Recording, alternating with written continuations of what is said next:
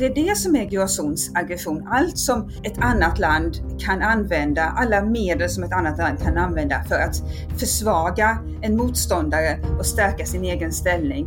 Och den som säger det är Elizabeth Braw, aktuell med boken Defenders Dilemma. Ja, i det här avsnittet så ska vi prata om hybridkriget, men vi ska göra utifrån ett särskilt perspektiv. Hur ska västliga demokratier som Sverige egentligen försvara sig mot det?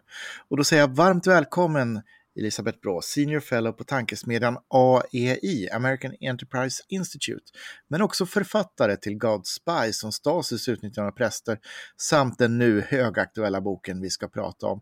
Den släpptes i dagarna, Defenders Dilemma, Identifying and Deterring Grey Zone Aggression.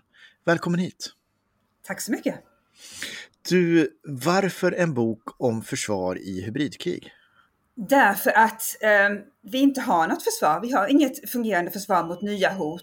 Om vi tänker på, på de hot som har funnits hittills i, ja, i, i, modern historia så har det alltid varit, haft någonting med krig att göra, alltså med, med, med soldater och, och, och, vapen som de använder. Men nu så det vi ser är att, att hot, och inte bara hot utan aggression med andra medel ökar otroligt snabbt och, och nu när, när, du och jag eh, sitter här och pratar Patrik så, så håller eh, Belarus på, till exempel på att utöka sin aggression eh, mot eh, Lettland, Litauen och Polen där man eh, använder flyktingar eller migranter som vapen. Så eh, allt det här ökar snabbt och inte bara i, i, i mängd utan också i, i de, olika, eh, de olika sorters aggression som, som angriparen använder. Och vi har inget sätt att försvara oss mot det. Sverige hade under eh, kalla kriget totalförsvar, men det var också eh, inrättat så att, att, att, det skulle vara mot, mot eh, Sovjetunionens eh, ja, eh, eller Warszawapaktens eh, soldater och, och militära angrepp. Eh, men Sverige har inget, inget eh, fungerande försvar mot, mot gråzonsaggressioner. Det har inget annat land heller. Och det, det, är också svårt att komma på hur, hur sånt försvar skulle se ut. Så att det, det är ett otroligt eh, aktuellt och egentligen helt avgörande område att, att, att vi kommer på vad det är vi ska göra för att försvara oss. Mm. Och du börjar boken med att definiera och identifiera gråzonsaktiviteter. För lyssnare som inte är så insatta i den här begreppsvärlden, kan du guida dem lite mer konkret? Du nämnde ju Belarus och, och, och migranter som ett vapen, men kan du guida dem igenom lite mer, vad är det vi pratar om? Alltså man tänker, den gråa zonen mellan krig och fred, den är väldigt stor.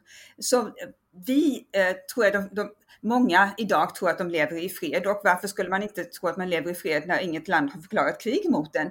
Men det finns så mycket andra länder kan göra eh, eh där de försöker försvara ens land. Ehm, inte försvara, försvaga ens land eh, för att stärka sin egen ställning. Och det är det som är gråzon, gråzonsaggression. Allt som eh, ett annat land kan använda, alla medel som ett annat land kan använda för att försvaga en motståndare och stärka sin egen ställning. Och de medlen eh, finns eh, mest i, i, i civilsamhället för att det finns så många, vi har så många Eh, ställen där vi är sårbara, inte för att vi vill vara sårbara utan det, vi lever i, i fria öppna samhällen där eh, det egentligen är väldigt lätt att komma in och förstöra och sabotera eh, vår, det som vi har byggt upp. Så, så gråzonen är jättestor och eh, det enda angriparen behöver, eller eh, den, potentiell, den potentiella angriparen behöver göra är ju att komma på eh, vilket sätt han ska använda eller det landet ska använda mot oss. Och de kan vara väldigt innovativa, vilket ju är det vi, vi ser med Belarus just nu. Mm. Och, och, i boken så nämner du ju en lista från Stratcom i Riga, eller mer formellt NATO Strategic Communications Center of Excellence. Och då ska vi tillägga att Sverige och Finland är ju medlemmar i det centret också. Kring vad de anser kan göra ett hybridhot. Och då läser jag listan då bara så här lite pang. Gränskränkningar, NGOs, det är alltså icke-statliga organisationer, Gongos som är statsfinansierade och organiserade icke-statliga organisationer, spionage och infiltration, exploatering av etniska och kulturella identiteter, medier, Lawfare, alltså juridisk krigföring, agitation för att skapa oroligheter, cyberoperationer, religiösa grupper, akademiska grupper, utpressningar genom hot eller användande av våld, energiberoende, politiska aktörer, ekonomisk påtryckning, muter och korruption. det där är en rätt diger lista.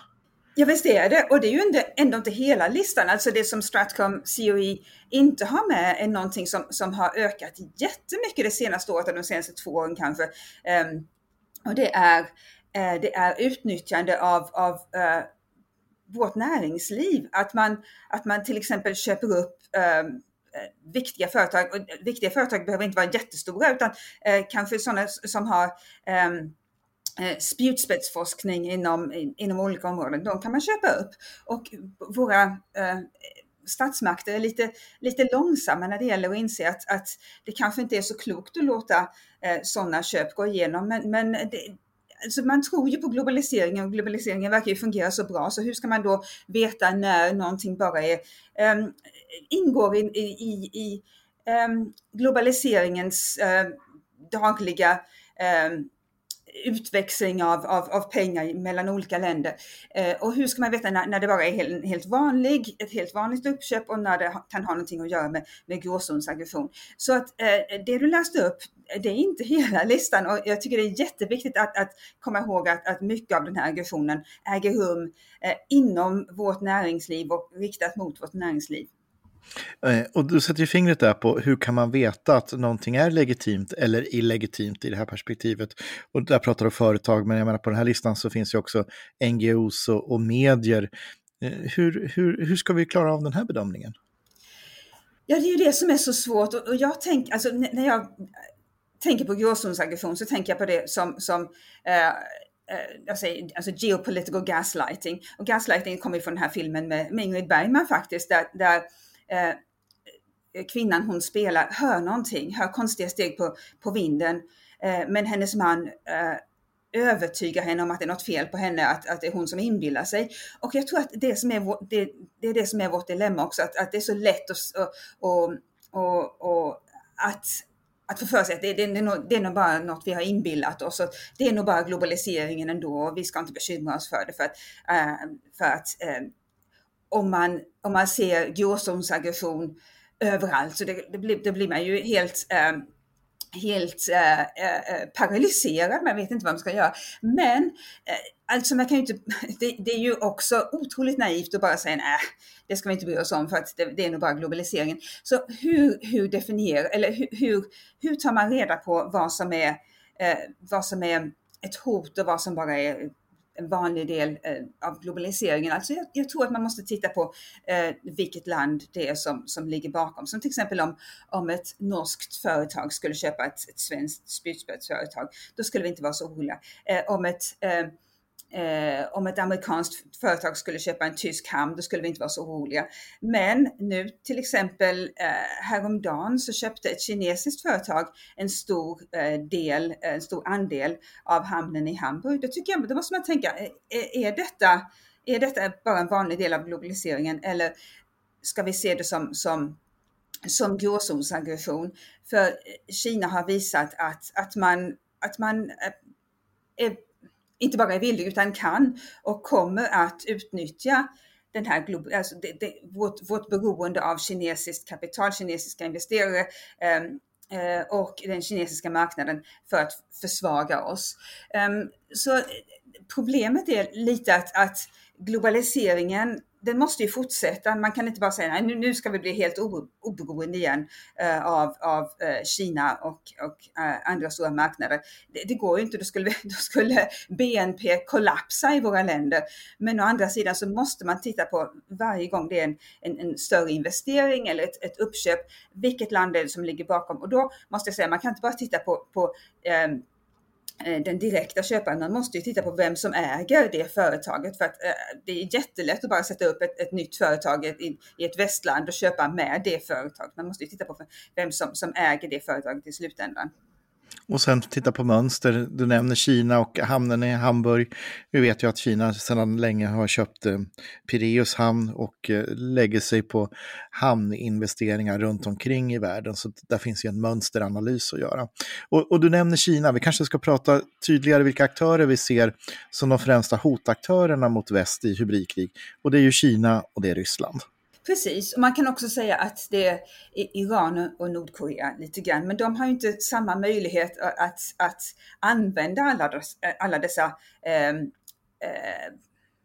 alla dessa Verktygen i sin helhet med ja, ekonomisk makt och sådär. Precis, de, de verktyg som redan finns och in, de kan inte heller eh, Eh, improvisera lika mycket som Kina och eh, Ryssland kan därför att vi, inte lika, vi har inte lika mycket förbindelse med dem. Så att, hur, hur, skulle Iran till exempel kunna, kunna skada vårt näringsliv? Det finns knappt eh, något utbyte där. Eh, och samma sak eh, gäller förstås Belarus som nu försöker sig på gråzonskrigföring men de har inte heller lika stora möjligheter. Men Kina och Ryssland är de länderna som, som kan använda flest eh, eh, redskap eller verktyg mot oss. Och eh, jag tror faktiskt att, att Kina är den, den eh, det, det, det, stora dilemmat för oss här. För att Ryssland, vi vet vad de gör och de har hållit på med det ganska länge. Men Kina såg vi ganska länge, alltså egentligen eh, tills, tror jag, Corona bröt ut. Vi såg dem som, som ett nästan normalt land som, som vi som var en jättestor marknad för våra företag och, och därigenom naturligtvis har skapat eh, större välstånd i våra länder. Och vi såg dem som, som ett pålitligt land och vi såg dem som ett, som ett land som skulle kunna bli som, som vi. Ehm, och eh, medan Ryssland, det var alltid lite sådär eh, att, att ja, eh, vi, vi, hoppas på det bästa men, men det är lite kaotiskt där och de har lite, de har lite eh, konstiga metoder. Men Kina, där fanns det potential.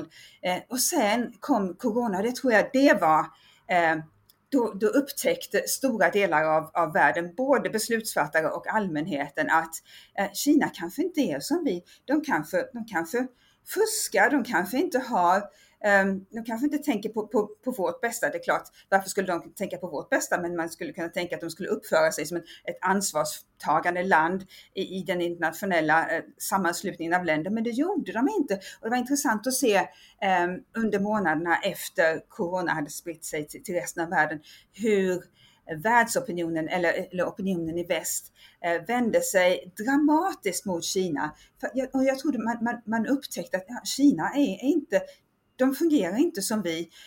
De, de, de kan använda fula metoder. Ett, ett brutalt uppvaknande, även om det, det har varit en, en lång process av uppvaknande, ska vi väl också tillägga. Att med, man har sett eh, kinesiska cyberhackare, immaterialstölder, eh, risker med 5G och så, så, så kommer det då corona som den stora väckarklockan då. Eh, och nästan lite chockartat. Precis, men jag tror inte att, att allmänheten egentligen brydde sig om det här, alltså eh, stöld av, av eh, industrihemligheter, företagshemligheter och så vidare. Utan, eh, och inte ens företag såg det som någon slags, ehm, eh, eh, någon slags eh, fundamental, något fundamentalt problem för att man ville fortfarande göra affärer med Kina och man tänkte ja, Alltså det är det priset vi, vi får betala för att det ska få fortsätta. Det är klart det är jätteirriterande och eh, svenska företag har ju utsatts för otroligt industrispionage av, av Kina och Kina, alltså kinesiska företag har, har eh, stulit hemligheter. Men det var ändå, man tyckte att det, det, det, är väl, det är väl eh, globaliseringens pris. Men sen eh, kom då allmänhetens uppvaknande med, med corona. Och sen eh, naturligtvis eh, nu Eh, precis i, i höst med, eh, med Kinas eh, eh, ja, erkännande att man egentligen hade, hade eh, hållit två kanadensare helt utan någon, eh, någon rättslig anledning alls, bara för att få loss en, en en kinesisk affärskvinna som hade blivit eh, häktad i, i Kanada. Alltså då, då tror jag världen insåg att nej, det här landet är inte så, de, de följer inte de internationella regler som finns för, för ansvarstagande stater.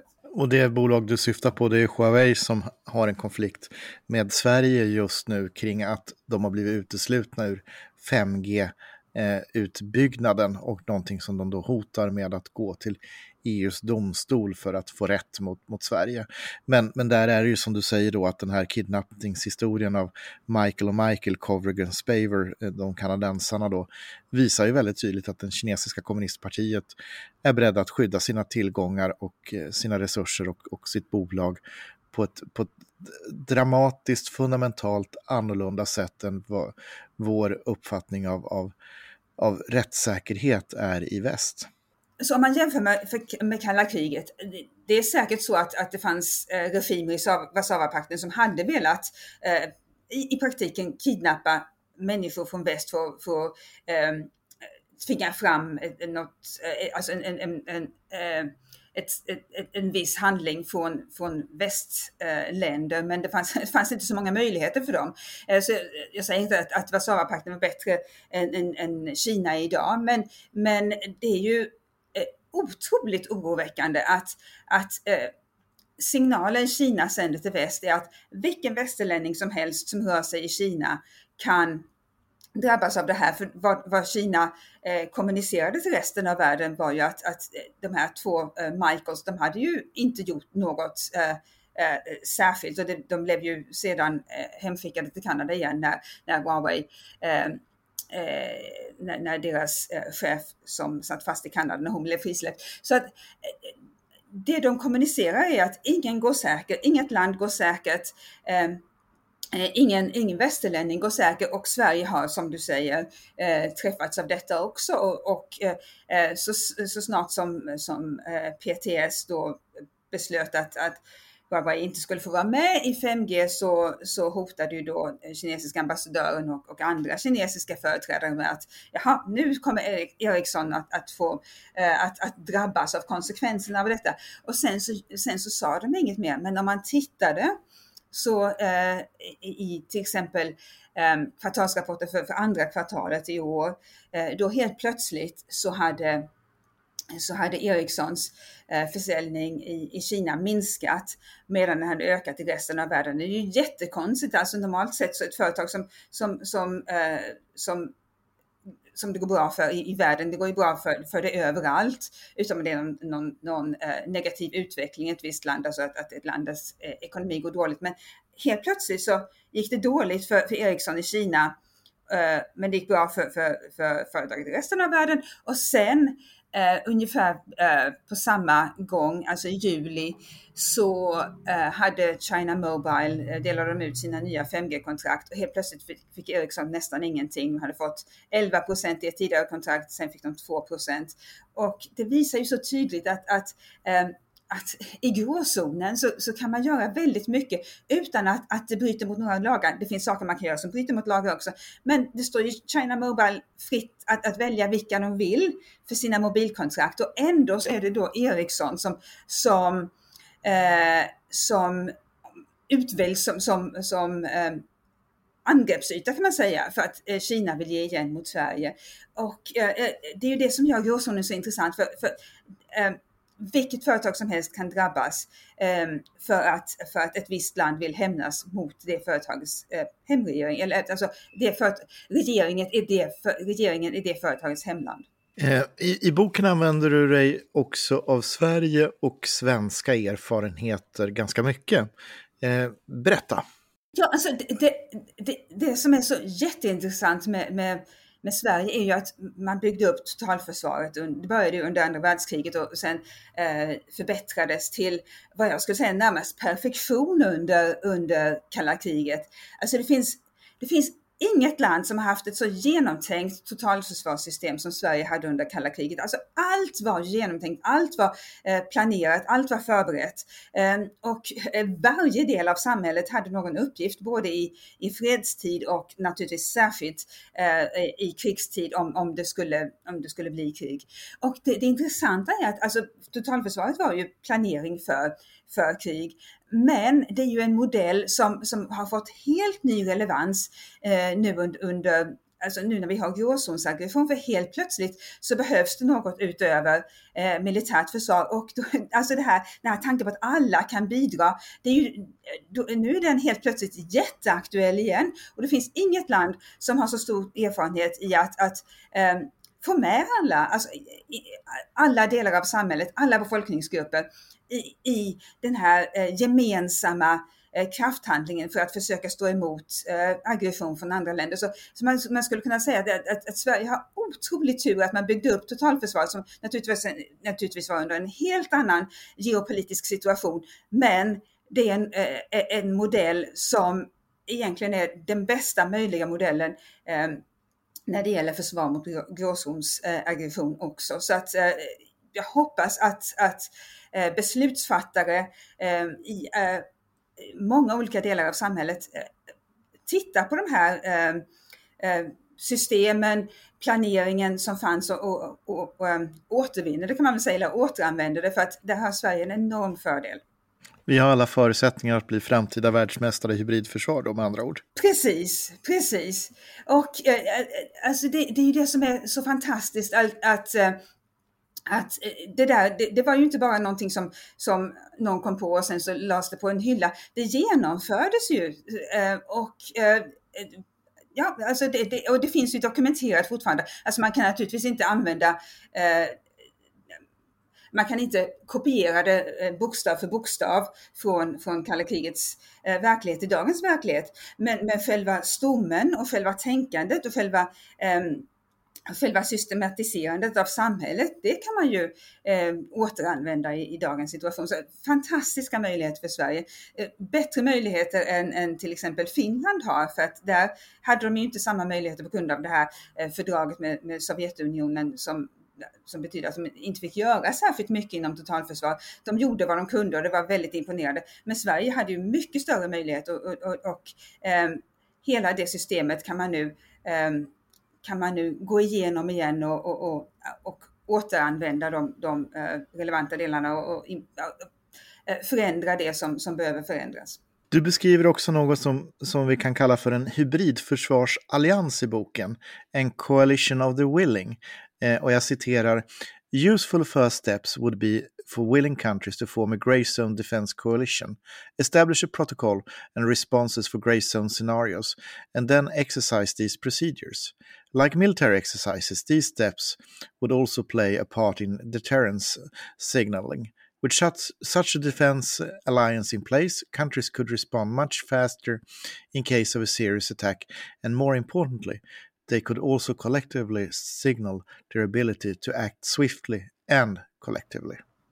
Kan du utveckla? Ja, så om man tänker på eh, hur en traditionell försvarsallians fungerar, till exempel NATO, då eh, då är medlemmarna, eh, de är med för att, för att de vet att de andra medlemmarna ska försvara dem om det skulle hända något, om de skulle bli eh, utsatta för ett militärt angrepp och de eh, är naturligtvis då också beredda att göra samma sak för de andra medlemmarna. Det är så en allians fungerar. Eh, I gråzonen så har vi inget sånt och det betyder att, att, att eh, eh angriparlandet kan eh, egentligen eh, ta sig an vilket annat land som helst. Och det är ju det vi har sett med Belarus och, och, och Lettland, Litauen och Polen, att, att Belarus har gett sig på de länderna och ingen har gjort någonting för att hjälpa dem för att vi har ingen försvarsallians. Och, och det gör det ju jättelätt för, för angriparen då. Eh, och jag tror att, att, om man hade en gråzonsförsvarsallians, och det behöver inte vara, eh, det behöver inte vara NATO, det, det, ska definitivt inte vara NATO, för NATOs uppgift är militärt försvar och, och ehm, Eh, det, jag tror det skulle, det skulle inte ens fungera i NATOs struktur att ha en gråzonskomponent.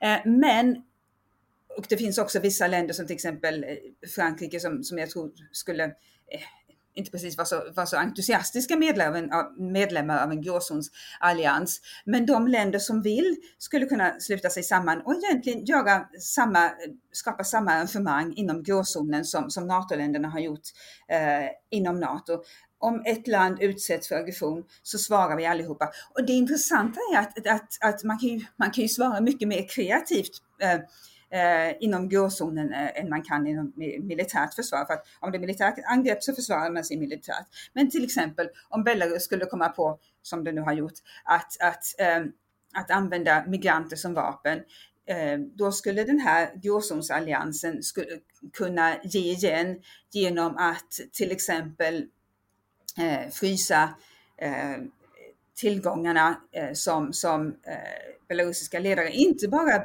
inte bara Lukasjenko och inte bara eh, andra politiska ledare, eh, utan till exempel också deras familjer, till exempel också tjänstemän som man inte hör så mycket om i nyheterna, att, att frysa deras tillgångar i väst, att, att, eh, att eh, frysa deras visum, för att vi måste, alltså, eh, en annan del av globaliseringen är ju att många ledande medlemmar av länderna som försöker, som försöker försvaga oss, de, de utnyttjar ju vår eh, generositet, de och deras familjer.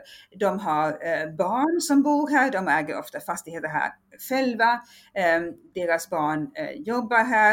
Eh, eh de, de, de lever precis samma liv som vi för att de tycker om det, för att deras hemländer inte är så attraktiva så vi skulle kunna, om man säger, eh, ge igen genom att eller säga att om ni, om ni använder gråzonsaggression mot oss så kommer vi att ge igen och vi säger inte i förväg naturligtvis hur vi kommer ge igen. Men till exempel att, att, ehm, att eh, eh, använda visumrätten eller att, att, att vi säger ställa in deras rätt att få visum, att, eh, så, vi säger att utvisa dem om de redan är i landet, eh, att eh, avslöja, eh, använda, använda kommunikation genom att avslöja var de här människorna eh, har fastigheter, vilka länder de har fastigheter, vilka länder de har bankkonton. Eh, allt sånt här är ju sånt som, som skulle skada eh, dem, det vill säga eliten, medan, eh, medan allmänheten eh, inte skulle,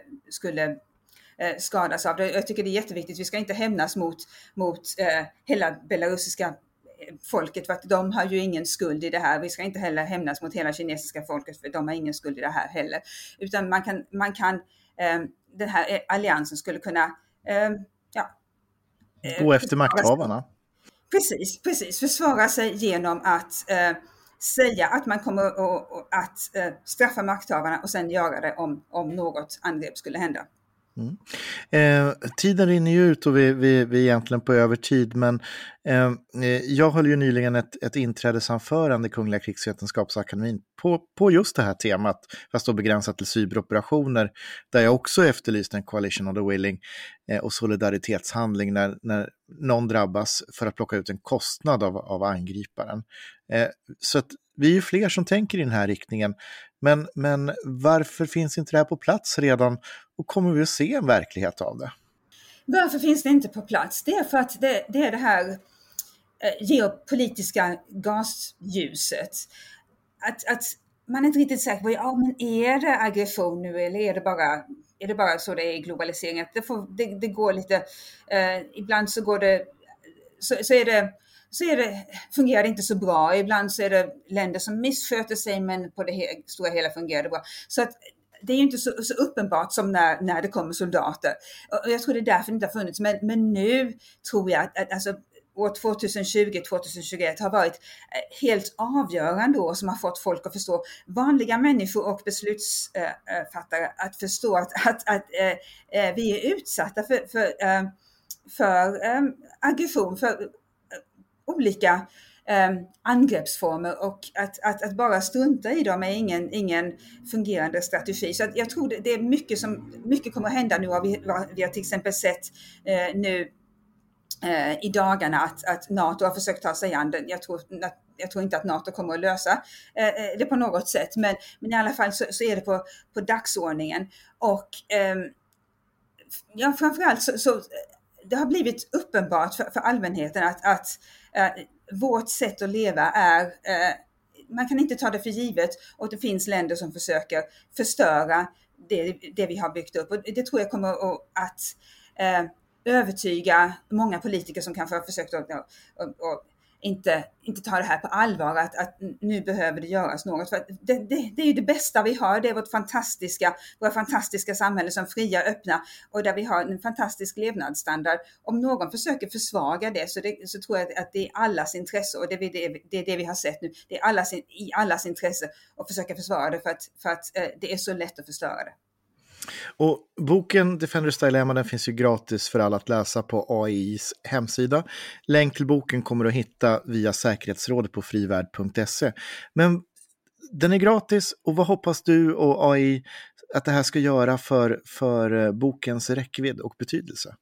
Alltså problemet med, med vetenskapliga böcker är att uh, ingen läser dem. Den här boken är inte skriven som en normal vetenskaplig bok utan tanken är att den ska vara en handbok för, för beslutsfattare i, i alla möjliga uh, organisationer, alltså inom politiken förstås och um, inom näringslivet är jätteviktigt. Eh, vilken, vilken näringslivschef sitter och läser en vetenskaplig bok om, om nationella säkerhetshot? Men, men, näringslivet är ju helt avgörande i, i, när det gäller gråzonshot.